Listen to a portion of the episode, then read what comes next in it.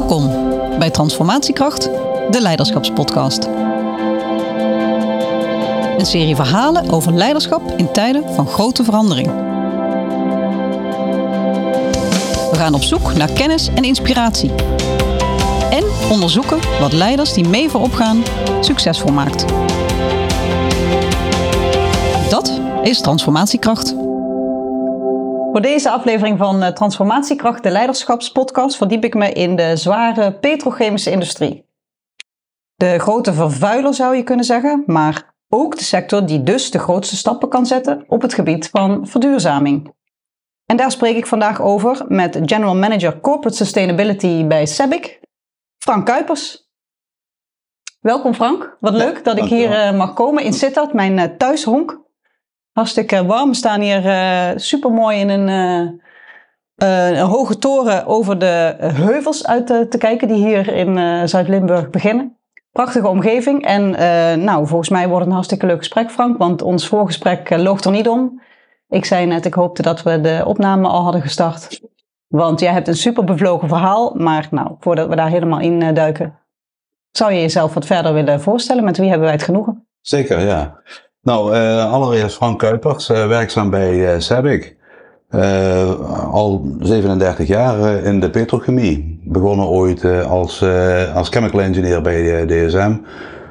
diverse omzwervingen gemaakt binnen het bedrijf, wel altijd binnen dezelfde bedrijven gebleven.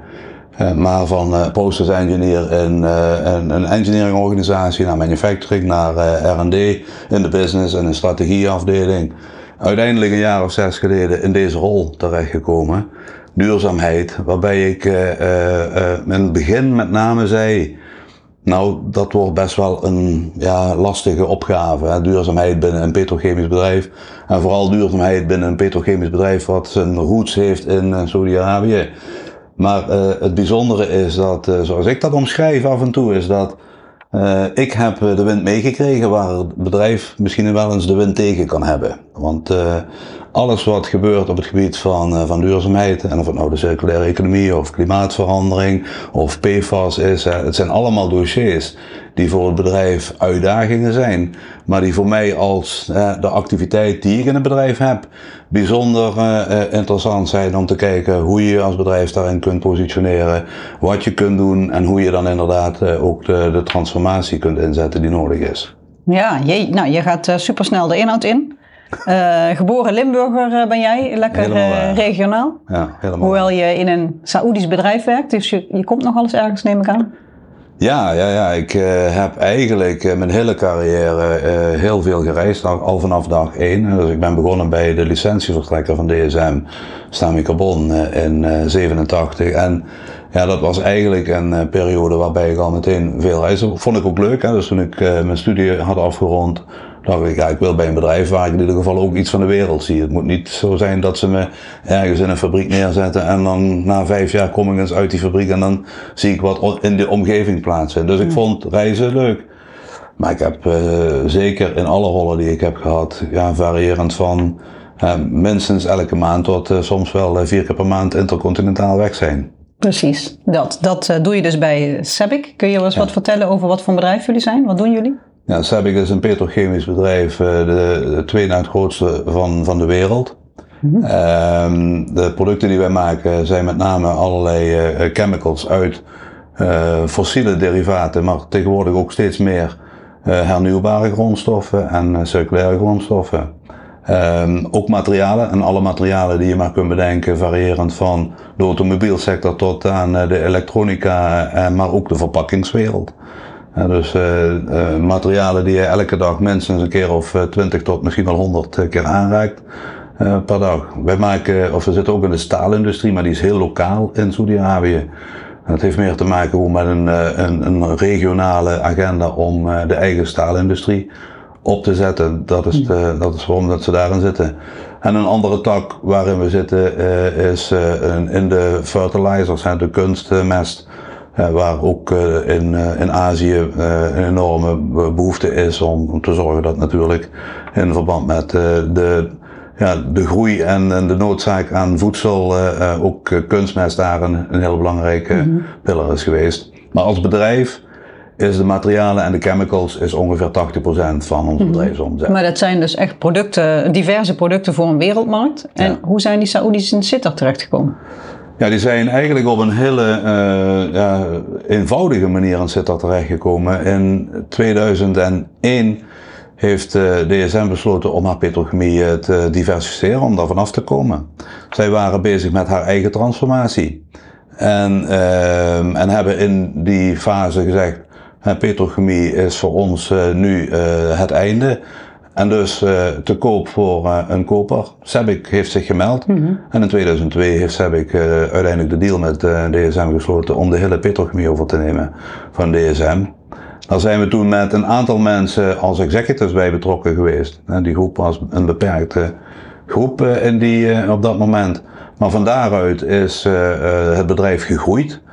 Ook in Europa. We hebben daarna nog een acquisitie gedaan in eh, eh, Engeland, Huntsman. Daar is eh, General Electric Plastics aan toegevoegd in 2007. Dus er zijn diverse dingen, zaken aan toegevoegd die eigenlijk nu Sabic maken in Europa, wat, de, wat Sabic is. Maar de, ja, de belangrijkste footprint voor Sabic in Europa is dan ook wel echt Nederland en misschien wel meer specifiek uh, Geleen Sittard. Precies, dus dat is waar mensen jullie waarschijnlijk van kennen. Als je op weg uh, naar je vakantiebestemming door uh, Limburg rijdt, dan kom je langs die enorme grote krakers uh, bij Geleen. Ja. En wat, uh, wat wordt daar precies gedaan?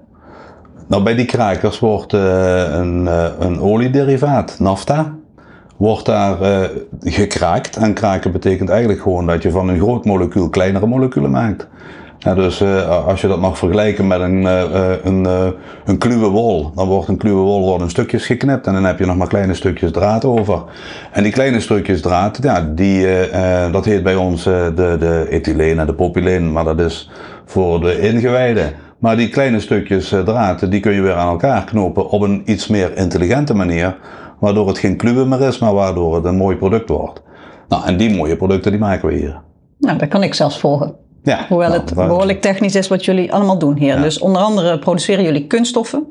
Um, um, en dat is eigenlijk iets, zeg maar, de, de grondstof voor alle producten die wij kennen.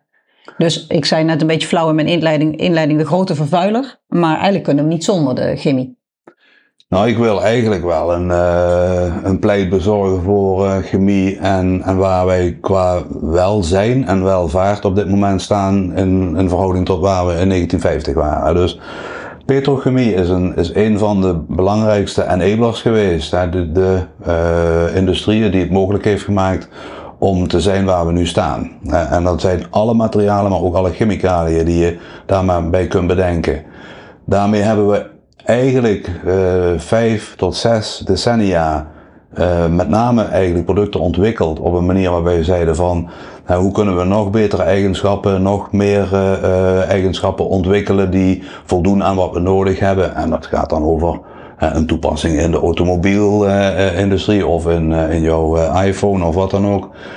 En dan krijg je op een gegeven moment zaken zoals, en dan geef ik een voorbeeldje, vleesverpakking, dan heb ik een 7 of een 8 of een 9 laags folie nodig om alle eigenschappen erin te brengen van eh, vochtbarrière tot aan geurbarrière tot aan houdbaarheid van het vlees en noem maar op. En dan hebben we een prachtig product ontwikkeld.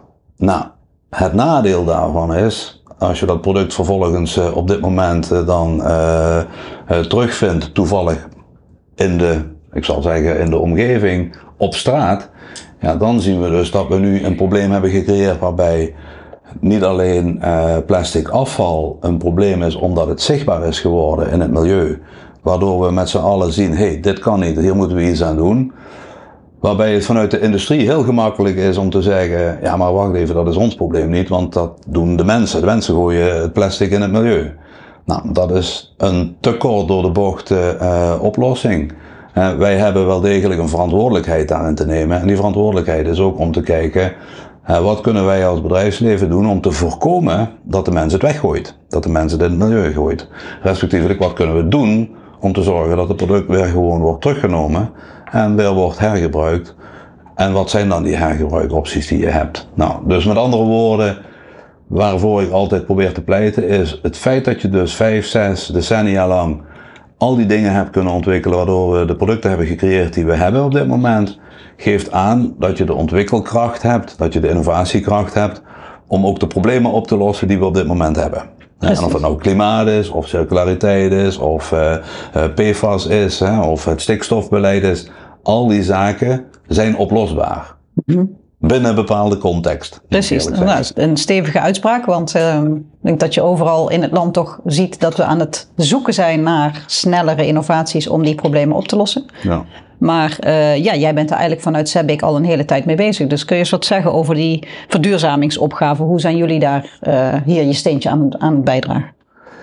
Ja, eigenlijk hebben wij uh, in de afgelopen jaren, en dan ga ik misschien wel tien jaar uh, terug of iets langer, uh, op een aantal verschillende fronten ingezet.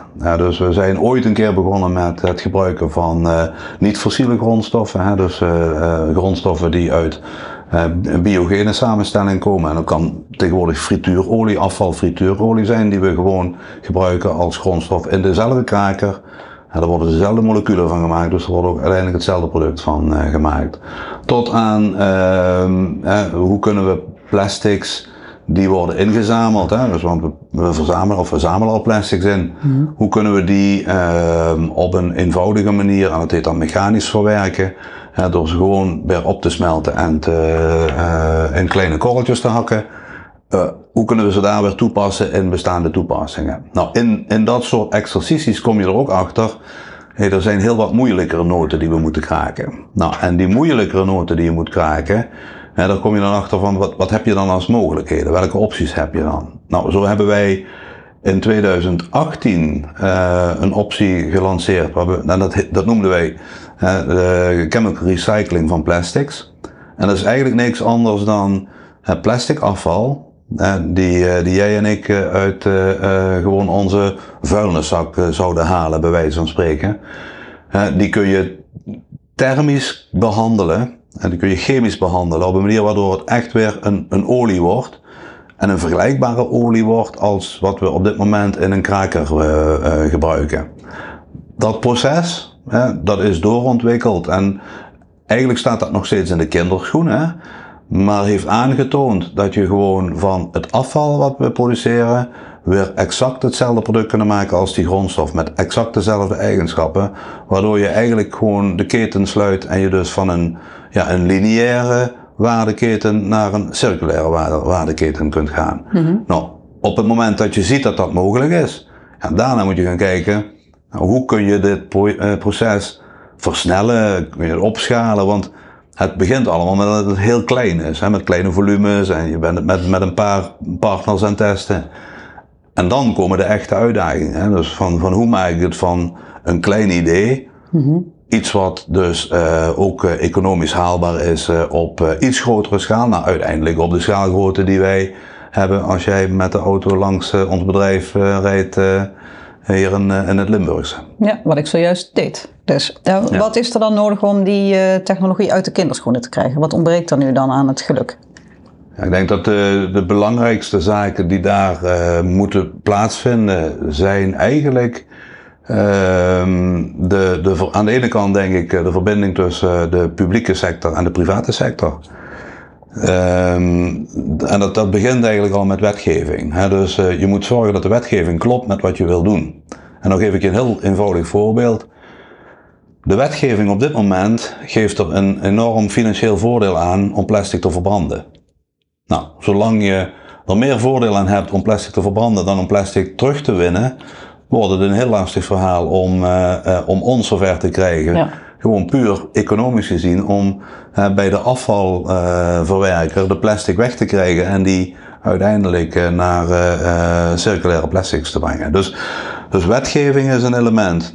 Daarnaast heb je ook uh, infrastructuur nodig. En, en dat kan soms te maken hebben met uh, zorgen dat de, producten op de plek komen waar je ze nodig hebt. En het is niet eenvoudig als je kijkt dat, hoe, hoezeer uiteindelijk plastic dat bij consumenten komt. Want dan komt er dus bij in Nederland 17 miljoen mensen, oftewel bij 3 miljoen huishoudens. Om dat van die 3 miljoen huishoudens weer allemaal bij elkaar te krijgen bij wijze van spreken 2, 3 producenten die het verwerken. Mm Dus dan zit daar een heel logistieke mhm. apparaat achter. Nou, in dat logistieke stuk is het heel belangrijk om met, met, met partners te werken die dat logistieke stuk begrijpen, daar mee een oplossing in kunnen brengen. En dan kan het een afvalverwerker zijn, maar het kan ook een retailer zijn. Hè? De Albert Heijns en, en de, uh, ja, de Jumbo's van deze wereld. Mhm. Maar het kan ook een OEM zijn. Het kan ook een Unilever, een Procter Gamble of een Mars zijn. dus die, die discussies hebben we met al die partijen. Dus we zitten echt met al die partijen tegenwoordig aan tafel. En als je dat gaat vergelijken met, nou, laten we zeggen, tien jaar geleden, zaten wij nooit met dat soort partijen aan tafel. Mm dus wij verkochten onze korrels aan een verwerker, die maakte daar een product van en die verkocht het weer aan Unilever. Dus dat systeem en het, het denken in dat systeem moet veranderen, want anders krijg je ook die transformatie mhm. in, de, in de keten niet. Nou, wat, eh. je beschrijft het wel mooi, maar wat gebeurt er dan in zo'n shift dat je zegt we maken eigenlijk gewoon korrels voor dus de grondstoffen versus we gaan eindproducten inzamelen om uh, op andere manieren weer olie te maken. Wat gebeurt er nou in zo'n proces? Hoe, hoe, komt dat op gang of, en, en hoe lang duurt zoiets? Nou ja, daar zit natuurlijk voor een deel uh, ook weer dat, dat stukje wetgeving in. Hè? Dus de, de wetgever zegt op, even, op enig moment, jij zult mm -hmm. 50% van uw product circulair hebben. Nou, dus die de Unilever-partij en voor haar de zeep die ze maakt, hè, of voor de chips die ze verpakt of wat dan ook, die ziet, ik moet iets gaan doen. dus zij moeten dan daarmee zorgen dat zij hun producten circulair maken. Dus die hebben ook zichzelf gerealiseerd in diezelfde uh, periode, ik moet samenwerken met een partij die mee de oplossing kan brengen. En kijk, tussen Unilever en ons zit doorgaans alleen maar een verwerker in die van onze korrels of een plastic verpakking maakt, hè, of het product zo maakt dat het kan worden ingepast in die auto of, of wat dan ook. Mm -hmm. Maar de, de oplossing zit doorgaans bij de OEM, samen met bedrijven als, als wij, hè, die gewoon de uh, materialen maakt met de materiaaleigenschappen en met het hele ja, stuk kennis wat je hebt op het gebied van de producten die uiteindelijk de producten tot de, de toepassing brengen die, eh, die nodig is. Dus mhm. dat stuk is essentieel samen met die wetgever die zegt van je zorgt nou dat naar 50% naar uh, circulair gaat. Als dat allemaal in dezelfde richting wijst en niet over de top gaat, hè, want als het over de top gaat kan het ook uh, tegen je werken. Want als je zegt van en nou zul, zul je per uh, 2030 100% circulair zijn, als het te ver gaat, dan kan het ook onmogelijk worden. Waar je zegt van ja, wat wil je nou? Hè? Mhm. Willen we met z'n allen dat we dit proces doorgaan en die transformatie meemaken? Of wil je dat we gewoon dit proces niet meemaken en het product ook niet meer hebben over uh, zeven jaar vanaf nu? Mm En dan maak ik wel eens een vergelijking als je het product niet meer wil hebben, dat kan ook. Dat is ook een oplossing. Ja. En dan gaan we terug naar 1950. Ja, ja, dus dat geloof je wel. Er zijn nog te weinig alternatieven om, uh, om dat op een andere manier op te vangen. Ik denk geen. geen nee, precies. Ik denk nog geen. logisch. Je ziet wat ze allemaal gebruiken waar jullie uh, aan de basis staan. Dan... Als ze er waren geweest, hè, waren ze er nu al als het mogelijk was geweest, waren ze er nu geweest. Had men ze ook bedacht en hadden ze ook hoogstwaarschijnlijk concurrentie gehad uh, met onze producten. Precies. En natuurlijk, je kunt papier gaan vergelijken en verpakkingen met plastic. Je kunt glas met verpakkingen.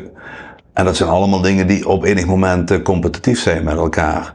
Maar in de oplossingen met alle applicaties die ontwikkeld zijn, is, uh, heeft materialen uit de petrochemie zo'n dominante rol ingenomen.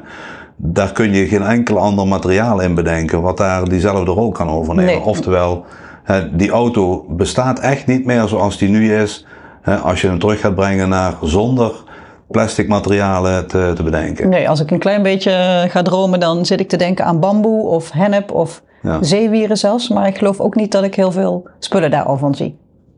Dat denk ik ook niet. En dan zeg ik, ja, dream on. Hè. En het kan best. En je kunt best bepaalde dingen doen. Hè. Ook met, met bamboe of zeewier. Maar uh, ook dat heeft allemaal zijn begrenzingen.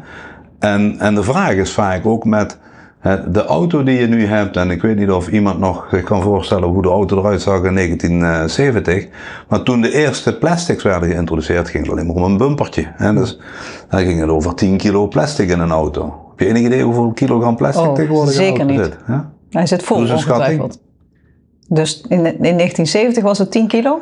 Nou, 19, dat was eind de jaren 70. Dus toen de, toen de bumpers geïntroduceerd waren, in 1978, 79, zat er tot 4 tot 10 kilogram Oh jee. Kunststof. Dan ga ik natuurlijk enorm door de mand vallen, maar dan ga ik zeggen 200 kilo. Nou, hij zit in de richting, dus de 400 kilo. Maar Oh. 400 kilo op een auto van eh 1000 kilo. Dat is veel, ja. Zeker. En toen woog die auto ook 1000 kilo. En zat er eh 8 tot, eh, tot 10 kilo op. Ja. ja, dus jullie zijn nog even, nou, here to stay, ik maar. En sterker nog, eh, staal is in heel veel gevallen gewoon vervangen door kunststof. Ja, En ook vanwege het feit dat het lichter is. zeker. en minder energie nodig heeft. En nu de elektrificatie van de automotive neigt alleen maar naar nog meer plastics, nog Ja. meer materialen. Ja. Ja, nou wat ik mooi vond wat je net vertelde is die eh, verduurzamingsagenda die drijft jullie eigenlijk in de richting van hele nieuwe partners. Kun je daar nog eens wat op, op doorgaan? Ik heb bijvoorbeeld bij verschillende podcasts al met gasten gesproken over het begrip eh, waardeketens. Dus om jullie keten eh, duurzamer te krijgen of anders in te richten, ja, zullen jullie dingen moeten aanpassen in je proces. En andere partners moeten dat, een deel van dat proces gaan, gaan opvangen.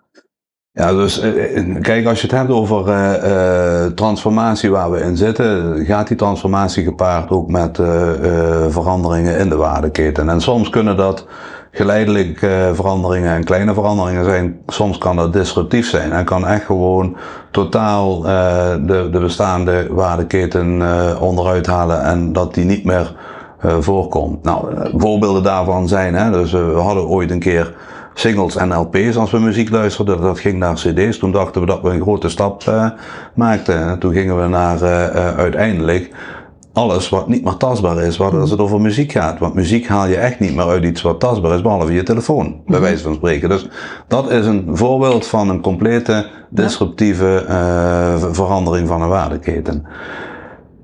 Waar wij in zitten, is in delen van wat, wat wij doen, ma- maken wij ook echt disrupties mee. Hè, van, van waardeketens die zodanig aan het veranderen zijn dat dingen niet meer voorkomen. En dat betekent ook, en als, als voorbeeld eh, haal ik wel eens aan, gewoon spelers niet meer in een waardeketen voorkomen omdat hun rol is uitgespeeld. Of omdat ze hun rol hebben overschat.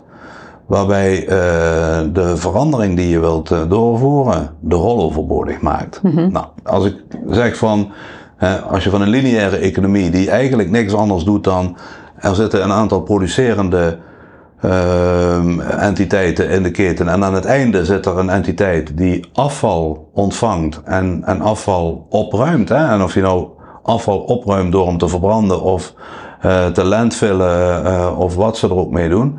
Maar die moet gaan nadenken, hoe kan ik nou van dat afval weer een grondstof maken? Nou, dan zie je dus dat bij sommige afvalbedrijven het denken verder is hè, in termen van afval echt als waarde zien. En anderen die gewoon kijken van wat zijn nou de overheidsincentives die je krijgt om, de, om die dingen te doen met het afval die mij uiteindelijk gewoon het meeste geld opleveren. Nou, daar zit een verschil in tussen wat levert mij het meeste geld op en wat is uiteindelijk het beste om met het afval te doen.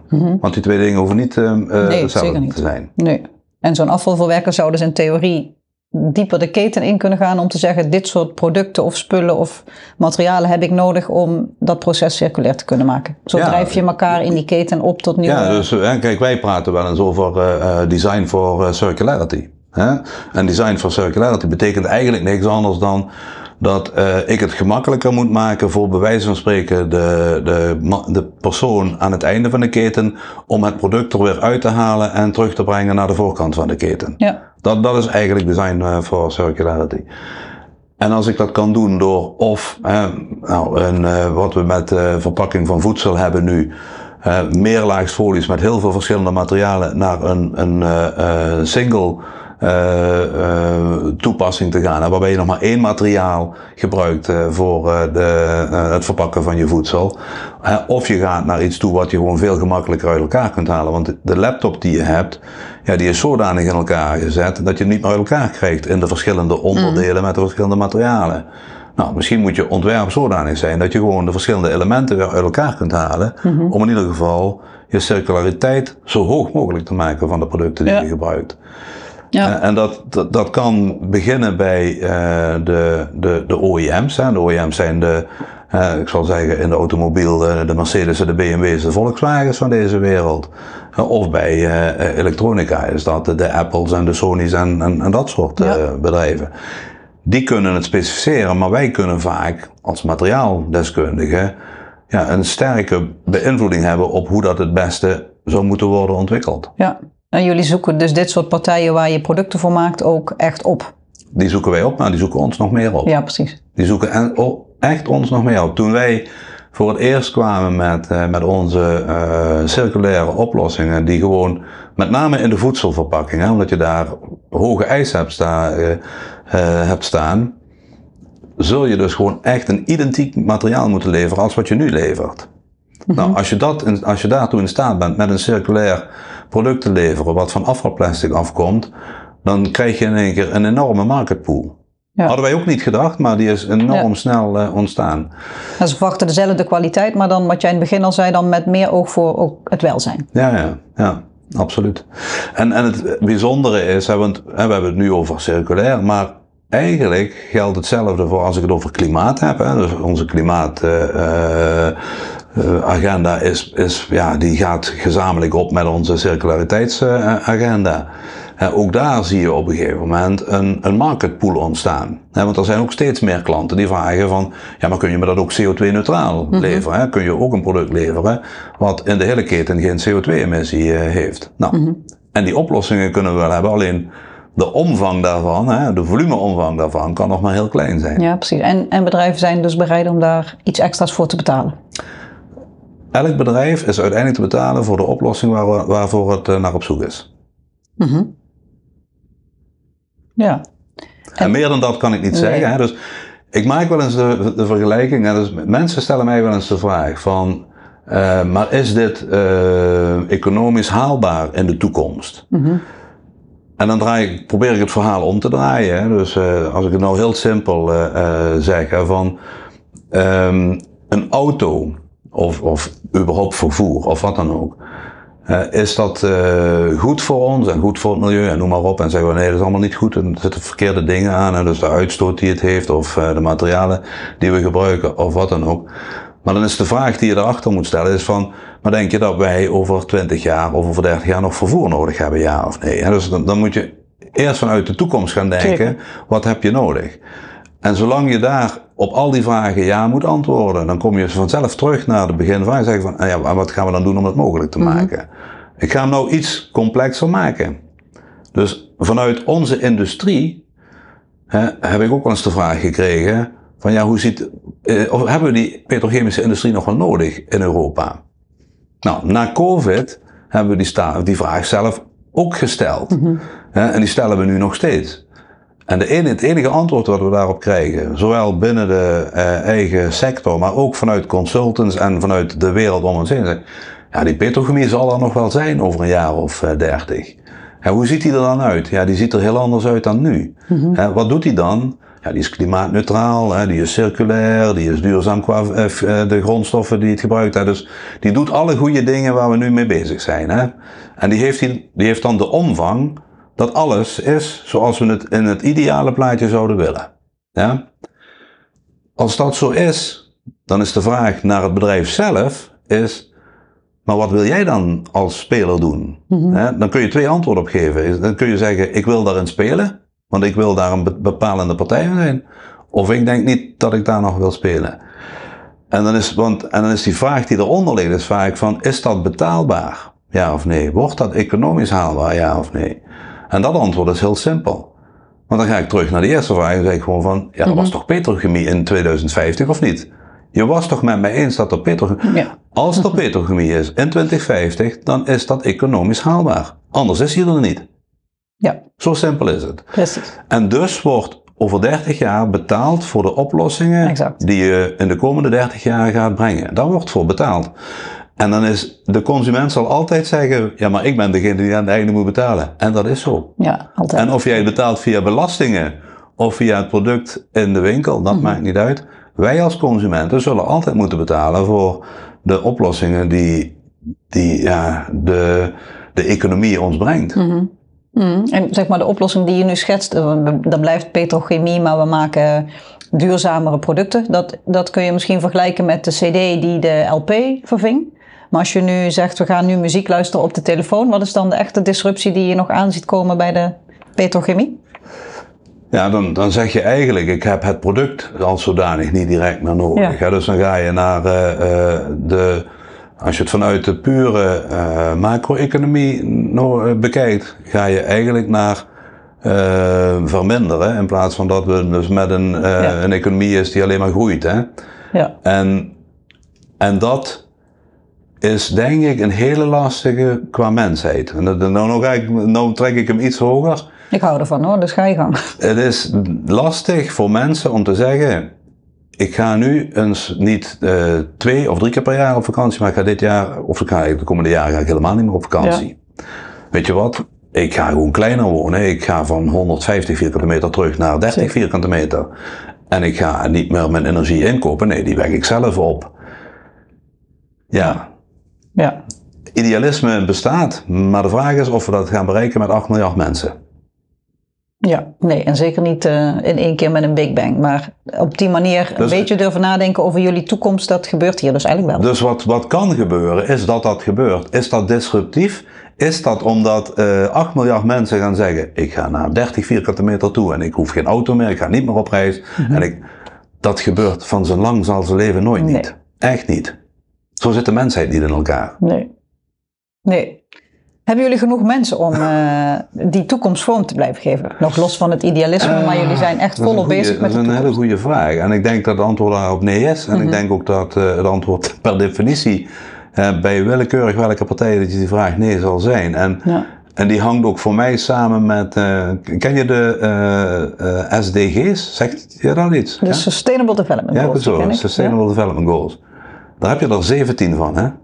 Weet je wat eh SDG 17 is? Nee, Dat is samenwerking. Dat is collaboration. Ja. En ehm, het enige waar wij op dit moment de doorbraken mee kunnen realiseren die nodig zijn, is Ja. samenwerking.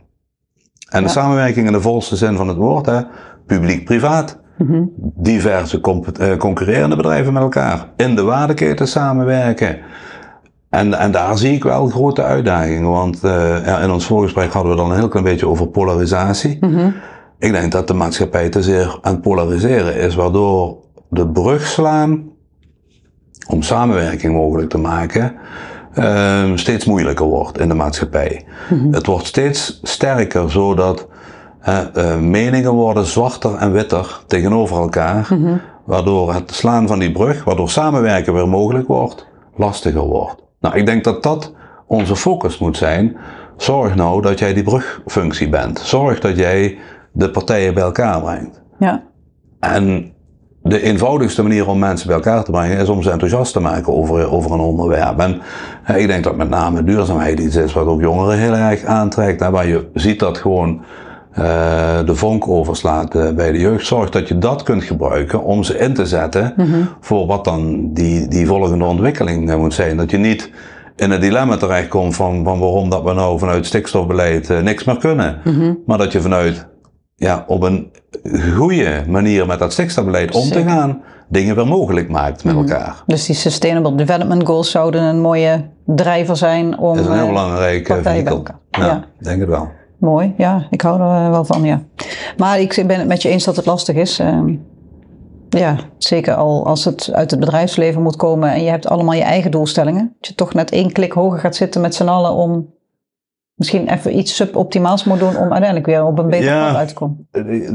Ik vind dat wel een hele eh, mo- moeilijke vraag, eh, moet ik eerlijk zeggen. Dus ik, eh, er is ehm, door eh, het World Economic Forum samen met eh, de vier grote eh, partijen, consultants in de wereld, hè, dus eh, de McKinsey's en de KPMG's van deze wereld, Ernst Young, is er een jaar of tien geleden een, een oefening aangezet, wat dan heet uiteindelijk van eh, shareholder eh, ehm, capitalism naar stakeholder capitalism. En, en wat dat eigenlijk zegt is de, de economie die we vandaag de dag hebben is gebaseerd op eh, shareholder eh, values. En, en die heeft ook als gevolg hè, dat we dus een aandelenmarkt hebben waarbij bedrijven worden gewaardeerd naar hun economische prestatie en, en noem maar op. Er is ooit een keer de, uh, de Sustainable eh, Dow Jones Index naast gekomen om te kijken van kun je bedrijven niet ook gaan waarderen naar de minder tastbare bijdrage die ze hebben in termen van economische bijdrage, maar dan meer de, ja, de, de verantwoordelijkheid die bedrijven hebben vanuit hun maatschappelijke verantwoordelijkheid. Dat is een ontzettend lastig Zeker. verhaal. Er zijn genoeg mensen die echt heel integer dit proberen te doen, maar vervolgens door hun aandeelhouders weer vaak toch afgeremd worden. omdat die aandeelhouder vervolgens weer op zoek is naar het, uh, de hogere winst in het volgende kwartaal. Mhm. En soms doen we er zelf aan mee. Hè? Wij hebben pensioenen. Mhm. En wij hopen dat onze pensioenen allemaal voldoende waard zijn. Dat we, als we straks met pensioen gaan, ook een goede uitkering krijgen. En dan zie je weer hetzelfde verhaal. Het feit dat het voor zelfs pensioenfondsen tot heel recent nog mogelijk was om in de tabaksindustrie te investeren, zegt genoeg over het feit dat het lastig is om weg te gaan van shareholder value naar stakeholder value. Zeker. En op een economie die gaat dus van meer, meer en groei ja. naar meer welzijn, natuur. Ja, en, en het rare is dus welzijn zegt niks over die economie. Zeker. De economie is daar een klein onderdeel van, mm -hmm. maar welzijn is een veel groter goed dan alleen maar dat economische stukje. Blij zijn en, en happy zijn in de, in de omgeving waarin je bent en met datgene wat je hebt, bepaalt meer dan. Zeker. En die mooie heuvels hier, waar ik daar straks mee begon. ja. Die heuvels in Sittard. Als, ja. als voorbeeld, ja. Ja, dat is prachtig hier. Dus inderdaad, ik ben het er helemaal mee eens. Maar ga daar maar aan staan, zeker als bedrijf, uh, met je eigen doelstellingen om daarin uh, voorop te gaan. Maar ik, uh, nou, ik, ik luister naar je en ik zit naar je te kijken. En ik zie hier pretoogjes en, en een hoop plezier volgens mij. Dus het drijft jou toch. Je hebt een enorme passie toch om, om over een betere toekomst na te denken. En je hebt een enorm bedrijf vanuit waar je dat mag doen die natuurlijk zijn eigen activiteiten heeft. Maar ja, wat, wat drijft jou nou binnen zo'n bedrijf om hiermee aan de slag te gaan? Nou, wat mij drijft, hè, kijk, en dat is natuurlijk soms ook wel een heel klein beetje een, eh, dilemma. Aan de ene kant de vrijheid die ik gewoon heb binnen het bedrijf. Hè, dus het, feit dat je de rol hebt om, om wereldwijd met duurzaamheid bezig te zijn en de dingen neer te zetten die je neerzet. Dat, hè, dat is wat, wat ik gewoon, waar ik elke dag enthousiast eh, van, van word. En op hetzelfde moment zie ik ook de beperkingen die je hebt hè, binnen datzelfde bedrijf en soms binnen de context van uh, waar het bedrijf uh, zich in bevindt in, in de wereldmarkt. Uh, zie je ook dat er natuurlijk um, politieke belemmeringen zijn in het bedrijf mm -hmm. om het met de snelheid te doen die jij wilt. Nou, wat, wat vind ik dan al, wat mij dus gewoon heel erg enthousiast maakt, is zolang ik maar elke dag het gevoel heb dat ik een stap de goede richting uitmaak hè, en dat we er uiteindelijk wel zullen komen, is wat mhm. mij dus al heel erg uh, gelukkig maakt daarin. Mm wetende dat er heel veel tegenkrachten zijn in dat bedrijf. maar die tegenkrachten probeer je elke keer weer mee te beïnvloeden en ook in de richting te krijgen waarin je denkt dat het moet gaan. Mm Gaat het met de snelheid die je zou willen? Nee, absoluut niet. Nee. Maar gaat het de goede kant uit? Ja, het gaat de goede kant uit. Zijn er dingen die, uh, waar, waar je dus ook wel eens aan denkt van, goh, uh, wat betekent dit nu voor het bedrijf en wat, wat concludeert, uh, concludeert het bedrijf daaruit? Ja, daar, daar hou ik me mee bezig. Maar ook daarin is de externe markt ook heel erg belangrijk. Hè? Want de publieke sector in Nederland bepaalt ook voor een belangrijk deel van, van wat het vestigingsklimaat van een bedrijf als het mm onze is en de snelheid waarmee we deze transformatie kunnen doormaken. Zeker, daar is ook genoeg over te doen. Dus dat wordt een interessante toekomst, denk ik. Ja, nou, dus ik hoor wat optimisme, doorzettingsvermogen, geduld. Ja. Ik hoor je iets zeggen over het uh, nou, beïnvloeden, zou ik maar zeggen, van de omgeving um, en je tegenstanders een beetje blijven meenemen. En de jeugd, hè? dus de, die, ja? de jonge generatie meekrijgen. Dus wat ik op enig moment aangaf, hè, dus de, dus de, de spark, hè, dus als je ziet dat de vonk overslaat bij jongere mensen met de agenda die je hebt. Nou, dat vind ik al heel belangrijk. En dan, dan kunnen er heel veel tegenkrachten in het bedrijf zitten, maar je zegt van wij, wij gaan het gewoon doen. Mm Wij zorgen gewoon dat, dit, dat we dit voor elkaar krijgen. Ja. En iemand moet daarin voorop. Dat ben jij dan maar in dit geval. Ja, soms wel, maar ik, ik, ik denk dat ik misschien nog meer eh, iemand ben die dingen verwoordt en mhm. probeert mensen te mobiliseren. En dan gaat die organisatie zichzelf vooruit helpen.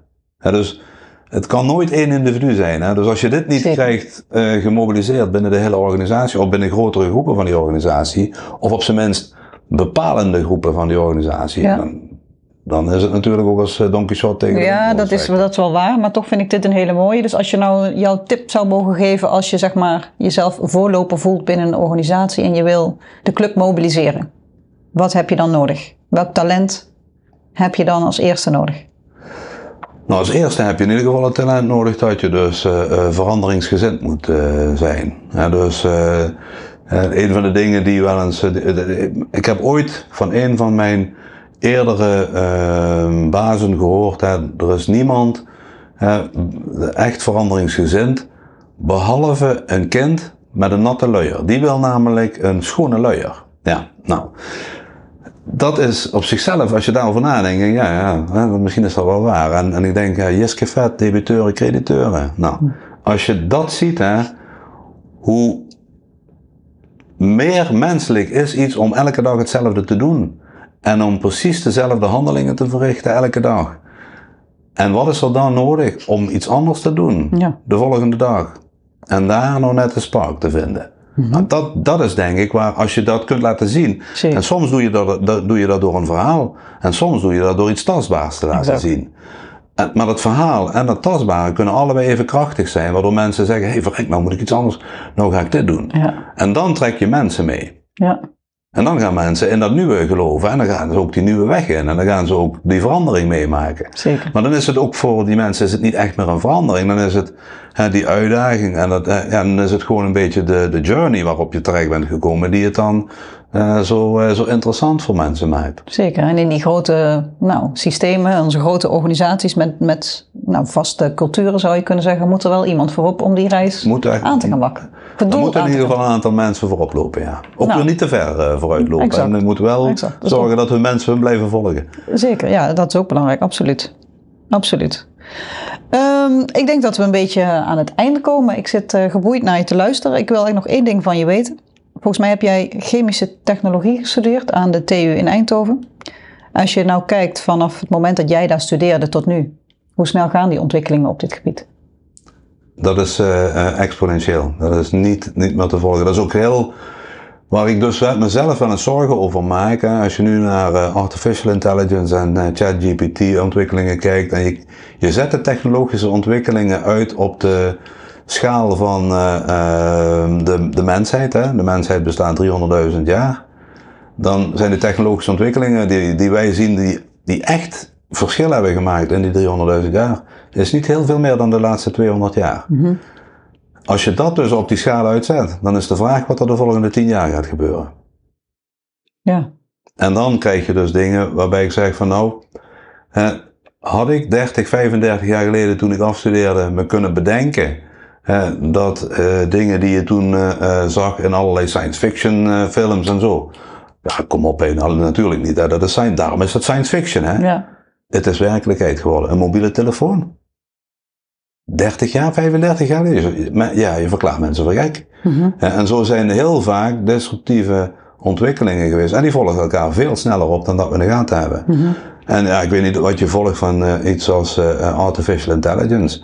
Maar dat is voor mij wel iets wat, wat eh, de grens begint te worden van... Wat betekent dit nou eigenlijk voor Ja. ons? ja. Nou, daar heb ik geen antwoord op nog, moet ik eerlijk zeggen. Nee, dat is weer een heel ander vakgebied. Ja. Maar wel mooi eh, om daar ook eens een aflevering over te maken, want dat is natuurlijk eh, ja, super actueel. Ja, Prachtig. Ik ben door mijn vragen heen. Ik wil je hartelijk bedanken voor dit mooie gesprek. En ik wens je alle succes om eh, in deze grote organisatie, die volgens mij wel in meer dan 50 landen actief is, voorop te blijven gaan en eh, de weg te wijzen op het gebied van eh, verduurzaming. Gaan we doen. Dankjewel. Oké, graag gedaan.